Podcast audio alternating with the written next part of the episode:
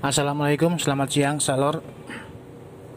Ah, kisah unik uh, dan menarik sekaligus inspiratif dari Mo Salah. Adakah pemain di dunia ini pemain bola yang mempunyai sikap respect uh, sebesar Mo Salah?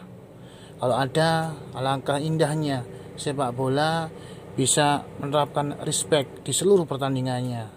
Uh, cerita dimulai ketika pertandingan uh, pra Piala Afrika mempertemukan antara Mesir dan Kenya di mana pertandingan itu berakhir dengan skor imbang 1-1.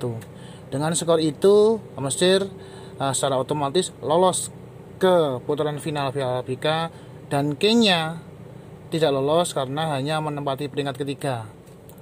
Uh, setelah pertandingan, Musalah datang ke locker room pemain Kenya dan memberikan ucapan kepada pemain Kenya dan staf uh, pelatih Kenya Semoga beruntung di lain kali kawan. Itu ucapan yang dikeluar dari mulut Musalah.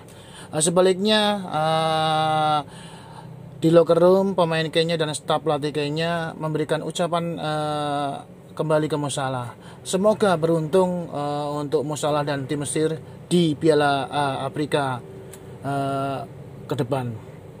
Betapa indahnya kata-kata yang saling memberikan ucapan selamat, kata-kata doa yang baik dari Musalah maupun pemain dan ofisial Kenya. Itulah indahnya respect di sepak bola. Uh, alangkah menariknya, alangkah uh, menenteramkan hatinya apabila semua pemain sepak bola di dunia menerapkan sikap-sikap respect seperti Mo Salah. Salor, Assalamualaikum warahmatullahi wabarakatuh.